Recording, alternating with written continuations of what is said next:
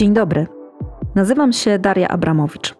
Mam za sobą karierę sportową i trenerską, a dziś jestem psychologiem sportowym. To bardzo ważna dziedzina, która globalnie zyskuje dziś na znaczeniu. Uważam, że mistrzostwo zaczyna się w głowie, dlatego w moim podcaście chcę dzielić się doświadczeniem, wiedzą, emocjami. Chcę dać przestrzeń do społecznej dyskusji o psychologii w sporcie, biznesie i prywatnym życiu, bo to wszystko są bardzo połączone światy. Urodziłam się w Iławie. To jest y, miejscowość nad najdłuższym w Polsce jeziorem, jeziorem Jeziorak na Warmii.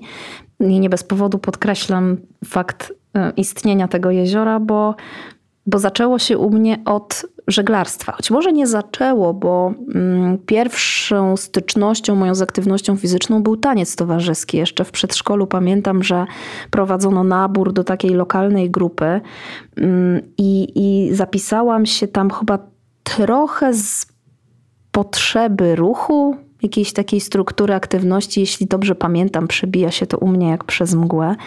I ten taniec dziś uważam to jeden z najlepszych pomysłów i jedna z najlepszych form aktywności ogólnorozwojowej dla dzieci, która kształtuje właściwie wszystkie cechy motoryczne na wczesnym etapie. Właściwie e, daje taki fajny, cenny wstęp do tego, żeby później robić różne inne rzeczy. Więc poniekąd przypadkiem, ponieważ moi rodzice nie posiadali, nie posiadają takiej wiedzy na temat e, sportu, aktywności fizycznej, ze sportem nie byli związani. Mm, I całkiem przypadkowo okazało się być to świetnym wstępem. Natomiast później miałam chwilową przygodę z bieganiem, ponieważ w szkole podstawowej mm, uczęszczałam do klasy sportowej o takim profilu lekkoatletycznym i później już w wieku lat 6, nie, 7, trudno mi jest troszkę tę oś czasu zachować dzisiaj po tylu latach, ale właśnie mniej więcej na początku szkoły podstawowej trafiłam do, do klubu żeglarskiego, do międzyszkolnego ośrodka sportowego w Iławie. I okazało się właściwie po pierwszym tak zwanym zejściu na wodę na łódce, że to jest to. Myślę o tym żeglarstwie do dzisiaj jako o czymś, czym nigdy i nie przesadzam, ani jeden dzień to nie był dzień, kiedy czułam się w jakikolwiek sposób zmuszona do tego, żeby trenować. I myślę, że to jest ogromny kapitał i myślę, że to jest duże szczęście patrząc z perspektywy mojego zawodu dzisiaj na wchodzenie dzieci, wychowanie dzieci poprzez sport, wchodzenie dzieci w świat aktywności fizycznej, uważam i tak doradzam rodzicom, żeby dawać dzieciom szansę podejmowania różnych form aktywności, próbowania różnych dyscyplin sportu, po to, żeby dać im możliwość i przestrzeń do tego, żeby wybrały w pewnym momencie to, co, że tak powiem, kliknie to, w czym będą czuły się komfortowo, bo to daje największą szansę na zbudowanie w przyszłości pasji. Jeżeli ta aktywność fizyczna przerodzi się w taki sport, który będzie miał większą strukturę, to okaże się, że obecność tej pasji i budowanie później wszystkiego na fundamencie pasji spowoduje, że kiedy przyjdzie kryzys, a on zawsze przychodzi w sporcie profesjonalnym prędzej czy później, to zdecydowanie łatwiej jest go pokonać. No i u mnie to żeglarstwo pojawiło się w wieku wczesnoszkolnym, to tak naprawdę jest ze mną do dzisiaj, bo choć czynnie go nie uprawiam, mm, bo choć nie pracuję już jako trener, co robiłam przez e, około 10 lat, to dziś jestem też związana z żeglarstwem w życiu prywatnym i zawodowym jako psycholog, a w życiu prywatnym, dlatego że mój mąż jest, jest trenerem głównym, współpracuje czy pracuje w, dla Kanadyjskiej Federacji Żeglarskiej, czyli żeglarstwo to nie tylko był sport, ale też styl życia, no i stały jego element do dzisiaj. Moment, w którym tak jak powiedziałam, nie ma takiego poczucia, że jest się zmuszanym, czy przez rodzica, czy przez trenera, czy przez jakąkolwiek inną osobę trzecią, do tego, żeby, żeby podejmować aktywność. Moment, w którym samo mm, podejmowanie aktywności, no w tym przypadku to wyjście na wodę, to bycie daleko od brzegu, bycie z samym sobą, mm, troszkę sprawdzanie się w różnych warunkach atmosferycznych, co było dla mnie też bardzo ciekawe. Sama złożoność dyscypliny, bo żeglarstwo jest jednym z bardziej złożonych sportów. Ono dotyka fizyki, mm, dotyka meteorologii, dotyka e, inżynierii w bardzo wielu aspektach. Mm, powoduje, że, że, że czuję się taką zajawkę, po prostu najzwyczajniej w świecie. Taką bardzo pierwotną, pierwotną zajawkę, poczucie fajności. Dla dziecka, jeżeli wybiera właśnie to, a nie inną formę spędzania wolnego czasu, no to oznacza to, że to jest po prostu fajne. I to jest ten zalążek pasji, to wtedy możemy powiedzieć, że okej, okay, kliknęło. Na pewno żeglarstwo jako właśnie jedna z najbardziej złożonych dyscyplin, to jest też taka dyscyplina sportu, w której ciągle coś jest nie tak. Ciągle boli, ciągle jest za gorąco, za zimno, za bardzo wieje, za mało wieje. Sól szczypie w twarz, y, sól wyżera odciski, rany, które nie chcą się goić za bardzo. Więc to już to opowiadam czasami zawodnikom, że, że zdarzało się zalewać odciski na dłoniach klejem, kropelka na przykład, po to, żeby tam dalej nie postępowały te, te, te procesy. Mm, więc on jest taki mocno związany z dyskomfortem, tenże sport, to żeglarstwo. I w tym całym dyskomforcie odnajdowanie tego, co jest, y, co jest rozwojowe, co jest cenne, co jest pozytywne i, i, i wartościowe i co nas trzyma ciągle przy kolejnym wyjściu na wodę i kolejnym treningu, jest niewątpliwie takim doświadczeniem i takim procesem, który jest mi bardzo bliski i który staram się e, pokazywać także w mojej, obecnie w mojej, mojej pracy zawodowej. Bardzo ważnym dla mnie sportowym doświadczeniem były mm, wszystkie momenty ważnych startów, czy to, mm, a zaczęłam startować relatywnie wcześnie, bo już pierwszy start zagraniczny dla mnie, takie pierwsze zagraniczne regaty, mm, w nich uczestniczyłam, kiedy miałam około 9 lat, więc to bardzo wcześnie. Mm, pierwsze Mistrzostwa Europy, kiedy miałam lat 14. Te starty pokazywały mi już wtedy, że dzieje się we mnie i ze mną coś takiego, co powoduje, że choć na treningach wszystko naprawdę wychodzi świetnie i żeglowałam szybko i bardzo mądrze taktycznie i to właśnie też klikało, tylko na troszkę innym poziomie niż poziom pasji, to przychodzą, przychodzą regaty, przychodzi wyścig, przychodzą warunki rywalizacji i dzieje się coś takiego, że, że ja nie jestem w stanie tych możliwości przekuć na, na wyścig już wtedy miałam takie poczucie, że o coś tutaj chodzi i coś więcej w tym sporcie jest, ale nie do końca wiedziałam co. Mm, nie do końca też osoby w moim otoczeniu potrafiły mi to w sposób spójny i adekwatny wyjaśnić.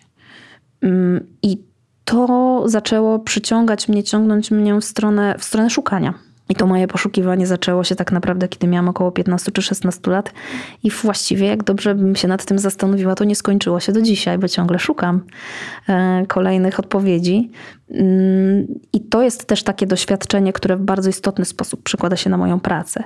I wreszcie, e, chociażby poza wszystkimi historiami dotyczącymi startów, zarządzania stresem, emocjami, mm, budowania relacji w zespołach, bardzo ważne doświadczenia w relacjach z trenerami, budowanie mistrzowskich środowisk sportowych. To wszystko też bardzo, bardzo mocno dziś przekładam na pracę i korzystam z tych doświadczeń, ale też takim ważnym jest moje wyjście ze sportu w roli zawodnika, czyli moja kontuzja, dlatego że ja przestałam żeglować z dnia na dzień, mając 18 lat.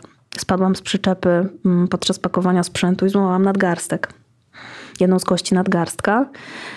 I tak się skończyło moje żeglowanie. Coś, co zaczęłam, kiedy miałam zaledwie kilka lat i co było podstawowym elementem mojego funkcjonowania i mojej tożsamości przez cały ten czas, cały etap dojrzewania, wyborów dotyczących szkoły, bo to też bardzo ważne, bo to żeglarstwo też determinowało to, na jakie studia chciałam pójść. I w pewnym momencie, właśnie w, kiedy miałam 18 lat, dochodzi do takiego wypadku, który kompletnie oczywiście z mojej winy, bo spieszyłam się i, i, i, zrobiłam coś szybciej niż pomyślałam o tym, jakie to może nieść ze sobą konsekwencje. Pośliznęłam się stojąc na przyczepie. Mm, spowodowało, że, że ten świat no, momentalnie się obrócił. Mając to doświadczenie i co bardzo ważne, i chciałabym to bardzo mocno podkreślić, przepracowane terapeutycznie, zanim weszłam w zawód psychologa sportowego, to dziś jest też bardzo duży kapitał, kiedy do mnie trafiają zawodnicy w trakcie kontuzji, po kontuzji, też zmieniające swoje role życiowe w środowisku sportowym, bardzo często mówią: Pani Dario, mówię to pani, bo, bo jakby pani to rozumie. I rzeczywiście mam takie poczucie, że kiedy oni to mówią, a ja odpowiadam: rozumiem, to to zdecydowanie jest prawdziwe rozumiem.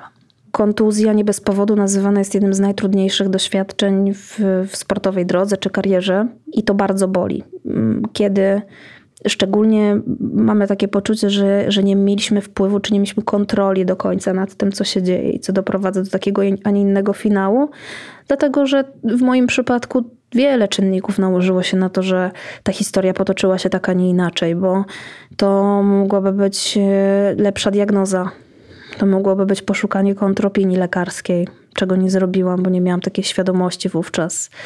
To mogłoby być mm, inne poprowadzenie wreszcie jakby samej, samej e, procedury leczenia i rehabilitacji. Niemniej wychodzę z założenia, że jesteśmy w pewnym sensie troszkę zabrzmie filozoficznie, ale sumą doświadczeń. I ja dzisiaj patrzę z tej perspektywy na swoją sportową drogę i na to, w jaki sposób ona stanowi wartość dodaną w mojej pracy. I nie zamieniłabym tego absolutnie na nic innego. W tamtym momencie to był koniec świata. Tak się stało, że około trzech tygodni chyba po trzech, może czterech tygodni po moim wypadku zadzwonił do mnie mój trener i powiedział, że mm, są regaty we Włoszech na takim akwenie, e, na którym niewiele bardzo osób żeglowało do tej pory mm, ze znajomych naszych zawodników. Mm, to są ważne regaty, bo taki drużynowy Puchar Europy. I czy nie zechciałabym tam pojechać jako trener? Ja jeszcze wtedy rocznikowo tak, ale nie, nie w sensie daty. Nie, ukończy, nie miałam ukończonych 18 lat, nie miałam prawa jazdy, nie miałam kwalifikacji trenerskich i, i to była taka mm, wyprawa, która polegała na tym, że, że jeden z rodziców też ze mną pojechał jako kierowca i opiekun, a ja miałam w jakiś sposób przekazać tam swoją wiedzę i swoje doświadczenie. I tak się złożyło, że my ten drużynowy Bucher Europy wygraliśmy. Zupełnie niespodziewanie. I dla mnie to było fantastyczne doświadczenie, także takie podnoszące mnie bardzo mocno w kryzysowym momencie, bo ja absolutnie wtedy byłam w, w, momencie kryzysowym i pomyślałam sobie, że może to jest jakiś sposób, a może wręcz idealny sposób na to, żeby w pewnym sensie dokonać takiego transferu tej mojej wiedzy, tych moich umiejętności i tych doświadczeń. Nie, nieczęsto zdarza się, że człowiek w wieku lat 18 ma ponad 10 lat doświadczenia, mniej lub bardziej w tym, w, czym, w środowisku, w którym funkcjonuje. I pomyślałam sobie, że to jest szansa na to, żeby blisko tej pasji być cały czas. Więc zdecydowałam się zacząć szkolić, zdobywać kompetencje w kierunku zawodu trenera. I w tym zawodzie spędziłam 10 lat. Zaczynając tę pracę i będąc bardzo młodą osobą i pracując z ludźmi zaledwie 2 czy 3 lata ode mnie młodszymi, mm, absolutnie nie miałam autorytetu i w jakiś sposób e, chciałam go zbudować. Nie ma szansy na to, żeby zbudować autorytet emocjonalny, kiedy jest się tak młodym człowiekiem, mm, ale jest szansa na to, żeby zbudować autorytet merytoryczny, oparty o wiedzę, oparty właśnie o kompetencje. I choć brzmi to może nieco żartobliwie, myśląc o osobie 18 czy 19-letniej, że kompetencje, ale jednak e, no, zależało mi na tym, żeby je poszerzać bardzo intensywnie i szybko i uczyć się cały czas w tym procesie. Dzisiaj, kiedy na to patrzę, mam takie poczucie, że, że wyszło to nie najgorzej, mówiąc, mówiąc e, nieco bardziej kolokwialnie. Z czasem zaczęłam pracować i z zawodnikami trochę starszymi, mm, na wyższym sportowym poziomie. Zdarzało mi się też przez lata mojej pracy pracować z, z dziećmi, które zaczynały dopiero swoją przygodę z żeglarstwem co też daje mi dziś ogromny kapitał w pracy, bo, bo mam takie poczucie, że, że rozumiem i czuję pracę także właśnie z dziećmi, z tymi najmłodszymi na etapie wychowania poprzez sport. I dziś potrafię poruszać się w spektrum pracy już jako psycholog sportowy, zarówno w pracy z najmłodszymi, z dziećmi na tym wczesnym etapie, ale też ze sportowcami funkcjonującymi na poziomie mistrzowskim. Jeżeli spojrzałabym na sukces sportowy jako na dach pewnego budynku, to ten dach opiera się na pewnych filarach, na pewnych kolumnach. Mm, I będą to na przykład takie umiejętności pomagające wyznaczać cele, mm, umiejętności wspierające motywację czy determinację, narzędzia treningu wyobrażeniowego czy relaksacyjnego, które pozwalają w warunkach rywalizacji sportowych czy treningu wykorzystać optymalny potencjał sportowca, czy każdego innego człowieka, który, mm, którego dotyczy jakikolwiek performance. Jeżeli oprzemy dach na kolumnach i na tym zakończymy budowę naszej konstrukcji, to jeżeli przyjdzie troszkę silniejszy wiatr i zawieje w ten budynek mocniej, to on w najlepszym wypadku zacznie się chwiać, a w najgorszym się przewróci, bo jest niestabilny. Podobnie jest e, w całej psychologii w sporcie, którą właśnie charakteryzuje w ten sposób, że jak w każdym budynku potrzebny jest solidny fundament. W tym fundamencie znajdują się takie umiejętności jak stabilne poczucie pewności siebie i poczucie tożsamości, e, umiejętność komunikacji asertywnej, takiej, która e, opiera się o wyrażanie takie własnych potrzeb i oczekiwań, które nie narusza wolności i przestrzeni innych osób. Mm, umiejętność takiego budowania relacji trwałych, które opierają się o bliskość i zaufanie, regulacja emocji. I to są pewnie, jak ktoś usłyszy takie umiejętności, cechy, o których możemy sobie pomyśleć, no dobra, ale to nie jest tak, że to sportowiec tego potrzebuje do czegoś. To, to jest takie bardzo uniwersalne. I to jest sedno tej filozofii. Solidny fundament dla sportowca, dla człowieka biznesu, dla wszystkich, którzy w swoim życiu opierają się o jakikolwiek performance, jakiekolwiek wykonanie. Ten solidny fundament jest kluczem, tak jak dla każdego z nas. Mam parę bon motów w swojej pracy. Jednym z nich jest to, że sportowiec to jest przede wszystkim człowiek. I staram się w mojej pracy podchodzić holistycznie, całościowo do tego procesu, skupiać się nie tylko na filarach, oczywiście nad którymi pracuję, na których skupia się niejako taka tradycyjna psychologia z sportu, ale staram się patrzeć szerzej na psychologię w sporcie, jako na wszystkie absolutnie obszary i oddziaływania, które, mm, które mają sprawiać, że zanim ten sportowiec będzie performował na swoim możliwym najwyższym poziomie, będzie możliwe to, że osiąga dobrostan i satysfakcję z życia. Jeszcze studiując psychologię na Uniwersytecie Humanistyczno-Społecznym e, w Warszawie, czyli SWPS, zaczęłam być aktywna w przestrzeni internetowej prowadząc bloga za namową osób, które wprowadzały mnie w świat psychologii, bo miałam ogromne szczęście mm, do tego, że spotkałam na swojej drodze takie osoby, które pokazały mi ten świat i, i dały mi taki kręgosłup dziś etyczny i bardzo, bardzo potrzebny w moim zawodzie. Mm, i dały mi też możliwości mm, właśnie podejmowania prób tej aktywności. Więc stałam się nieco bardziej aktywna w przestrzeni internetowej, czy to blog, czy to forum internetowe. Ciągle oczywiście jako studentka zaczęłam przetrząsać tony badań, pisać e, posty. Mm, zaczęłam być też bardziej aktywna w mediach społecznościowych. Do dziś jestem, tak naprawdę niemal wyłącznie w obszarze zawodowym, ale jestem.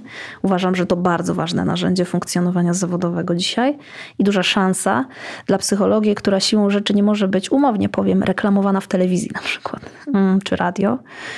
Natomiast mm, ta moja droga wyglądała tak, że z uwagi na tę moją aktywność, okazało się w pewnym momencie, że nie jestem do końca anonimowa. Kiedy nakładało się na to wszystko moje doświadczenie czysto sportowe, to okazało się, że w momencie, kiedy kończyłam studia, a podkreślam, że miałam taką możliwość rozpoczęcia w ogóle praktyki zawodowej, za co, za co jestem ogromnie wdzięczna, okazało się, że nie muszę długo czekać, a pojawiły się pierwsze osoby, które chciałyby ze mną pracować bardzo wiele osób kończących studia zmaga się z tym, żeby rozpocząć y, praktykę zawodową, żeby mieć do tego przestrzeń. Ja miałam tę możliwość, że przyszło to szybko. I to się nałożyło w czasie też z podsumowywaniem i zakończeniem Igrzysk Olimpijskich w Rio de Janeiro mm, co spowodowało, że zaproszono mnie w jedno, drugie, trzecie miejsce do tego, żeby powiedzieć parę słów na temat roli psychologii. No i prostej właściwie linii od tego okazało się, że otrzymałam nie, nie tak daleko później propozycję współpracy z e, kadrą narodową w kolarstwie torowym. Więc moja przygoda, moja droga e, pracy ze sportem high performance, sportem mistrzowskim, potoczyła się błyskawicznie. To było dla mnie bardzo duże wyzwanie w tamtym czasie, bo zastanawiałam się, czy mam wystarczająco dużo kompetencji. Wiadomo, że nie miałam doświadczenia, ale czy mam wystarczająco dużo kompetencji w tamtym czasie, żeby tę pracę podjąć. Mm, ale konsultując się z wieloma osobami, podjęłam decyzję, że, że podejmę to wyzwanie. I dzisiaj z czasem od e, współpracy z kadrą narodową w kolarstwie, przez, e, przez e, współpracę z kadrą narodową w pływaniu. Wiele dyscyplin dziś, wielu sportowców, no, siłą rzeczy dziś na ten moment najbardziej związana jestem z tenisem. Tak to się ułożyło. dziś, mimo tego, że ciągle nie mam wcale tak dużej praktyki zawodowej, bo to nie jest kilkanaście lat, jestem ciągle osobą młodą, to tempo, w jakim doszłam do punktu zawodowo, w którym jestem dzisiaj, i mnogość doświadczeń, um, uczestniczenia w różnych imprezach sportowych, um, współprac na różnych poziomach, z różnymi dyscyplinami, przez, um, od sportu tradycyjnego, indywidualnego, drużynowego, przez e, sport taki jak szachy, kończąc na e-sporcie. Te doświadczenia powodują, że mój autorytet bazowo jest większy. Nie mam gdzieś takiego poczucia, że w punkcie, w którym startuję i rozpoczynam jakąś współpracę, ja tego autorytetu nie mam i, i muszę pracować nad tym, aby go zbudować. Jest to z drugiej strony dużo bardziej odpowiedzialne zadanie, ponieważ dostaję pewien kredyt zaufania i otwartości od osób, które trafiają do mnie. I moją rolą jest to, żeby w pewnym sensie tego nie zawieść, żeby być, świadczyć usługi, mówiąc wprost tak biznesowo, ale zapewnić wsparcie o określonej jakości, na określonym poziomie rzetelności i etyki. I to, ta odpowiedzialność jest odczuwalna. Czy trudniej więc mi jest ten autorytet budować czy zachować? Nie, nie trudniej, ale na swój sposób inaczej. Dzisiaj pracuję na na różnych poziomach, bo głównie oczywiście rozmawiamy we wszelkich aktywnościach publicznych o tym sporcie mistrzowskim, ale mm, najmłodsza osoba, która trafia do mnie do gabinetu ma 9 lat e, i jest na początku swojej sportowej przygody. Mm, może nie najstarsze, ale najbardziej doświadczone to ci, którzy są najbardziej utytułowani, więc spektrum jest bardzo szerokie i to powoduje, że mm, tym bardziej, że sportowcy, którzy do mnie trafiają, wiele mnie uczą bardzo wiele doświadczeń i moich obserwacji migruje z dyscypliny na dyscyplinę i ze środowiska na środowisko. To pokazało mi szczególnie COVID, mm, kiedy szczególnie w tym, w tym pierwszym momencie tego lockdownu, w kwietniu jeszcze, miałam taką sytuację, w której wielu sportowców i wiele dyscyplin przechodziło przez te same procesy i widziałam wyraźnie pewne tendencje i zależności. I to powodowało, powodowało, że było mi łatwiej to przenosić pomiędzy dyscypliną a dyscypliną, środowiskiem a środowiskiem. Bardzo ułatwiało pracę. Więc mo moi sportowcy, tak pozwolę sobie o nich powiedzieć, uczą mnie tego, że czy, czy dają mi może tak wiedzę i doświadczenia, które ułatwiają mi pracę z innymi. Poniekąd pośrednio, oczywiście nigdy nie używając nazwisk, przykładów czy, e, czy, czy tożsamości, ja jestem w stanie sobie troszkę tłumaczyć szybciej i łatwiej rzeczywistość. I to na pewno. Sportowcy, z którymi pracuję, uczą mnie ciągle mm, pasji. Jakkolwiek nie brzmi to jak truizm, to sport staje się naprawdę trudniejszy, coraz trudniejszy, szczególnie ten mistrzowski. I kiedy widzę, w jaki sposób sportowcy są coraz bardziej zdeterminowani do tego, żeby się rozwijać, także w obszarze przygotowania mentalnego, jak budują swoją świadomość, jak odnajdują się w nowych czasach, to jest coś, co jest bardzo inspirujące dla mnie i rzeczywiście. Mm, mi pozwala też nadążać za sportem. Więc y, trochę chyba klamrą domykając y, ten wątek, moi sportowcy uczą mnie sportu cały czas, bo sport się zmienia. Jedna z najbardziej dynamicznie zmieniających się gałęzi naszego funkcjonowania społecznego, i dzięki temu, że mogę z nimi pracować i obserwować te procesy, uczę się tego sportu i trochę powiedziałabym, nadążam za jego rozwojem równowaga pomiędzy życiem zawodowym i tym pozazawodowym, prywatnym, to jest jeden z najważniejszych czynników warunkujących powodzenie. I to moje jako psychologa sportowego w mojej pracy, ale też sportowców, trenerów, rodziców, z którymi współpracuję, czy osób, które zarządzają organizacjami sportowymi. I mam takie przekonanie, że jeżeli uczę tego osoby, z którymi y, pracuję, to warto byłoby też mieć takie umiejętności, a przede wszystkim wprowadzać w życie wiedzę, którą posiadam. Inną sprawą jest to, że moja praca jest wymagająca i czasami zdarza się, że toczy się w trzech strefach czasowych, i czasami zdarza się, że tak było chociażby mniej więcej dwa tygodnie temu, że w ciągu trzech dni przespałam sześć godzin, bo zdarzają się sytuacje trudne, podbramkowe, nakładają się jedna na drugą. I ten work-life balance, mówiąc językiem biznesowym, a właśnie równowaga pomiędzy życiem zawodowym i prywatnym, staje się dla mnie jednym z absolutnych kluczy. I jak myślę sobie o tym i o sobie w tym kontekście, to dostrzegam dwie płaszczyzny. Taką długoterminową, związaną z tym, jak widzę swój rozwój zawodowy i czy zawsze i długo chcę, będę chciała pracować tak intensywnie. No i tutaj odpowiedzią jest to, że przede wszystkim prowadzę zespół, który staram się rozwijać. Jest to taki proces, który w tej chwili dynamicznie się toczy. E, psychologów sportowych, specjalistów, którzy, którzy pracują dzięki temu, że chcą, zgodnie z moją filozofią mm, pracy, o której, o której mówiłam. E, idąc dalej, myślę o tym, w jaki sposób mogę jeszcze skuteczniej, a może nieco mniejszym czasami nakładem sił przekazywać swoją wiedzę i się nią dzielić. A jeżeli chodzi o taki aspekt, y, nazwijmy go krótkoterminowy, to hasłem, kluczem są proste rzeczy. Mm, na każdy wyjazd staram się zabrać aparat fotograficzny i robić zdjęcia, co bardzo lubię. Nie dlatego, że jestem wybitnym fotografem, ale dlatego, że spojrzenie przez obiektyw pozwala zmienić na chwilkę chociaż perspektywę i trochę przełączyć głowę. Staram się jak tylko mogę być nad wodą i w wodzie. To jest właśnie ta pasja, która jest ze mną po dziś dzień, a więc wszystkie formy sportów wodnych, e, głównie SUP, czyli deska, deska z, z wiosłem, deska z paddleboard tak zwany, e, jest, e, jest bardzo lubianą przeze mnie formą aktywności, co zresztą przyswoił chętnie team, e, z którym pracuję na co dzień. Mm, bardzo lubię po prostu nie mówić, ponieważ moja praca polega na mówieniu, czasami przez kilkanaście godzin na dobę to, to bardzo lubię też e, wyciszać się po to, żeby właśnie zachowywać ten balans. Taką bardzo dla mnie ciekawą historią i moją obserwacją własną był czas pandemii, początku mm, lockdownu, kiedy całe życie przeniosło się do online'u i wszystkie moje konsultacje, cała moja praca także odbywała się za, za pośrednictwem wideokonsultacji, wideorozmów. I kiedy po całym dniu miałam ochotę obejrzeć sobie jakiś film, poczytać książkę czy czy obejrzeć jeszcze jakiś sport, okazywało się, że mój mózg już nie jest w stanie odbierać tych bodźców wzrokowych szczególnie i widziałam wyraźnie, jak bardzo nie odpoczywam i jak nakłada się zmęczenie. I chcąc, y, no właśnie, zachować pewną równowagę, wymyśliłam, że mm, kupię sobie gitarę i wrócę do grania na niej po 17 czy po 18 latach.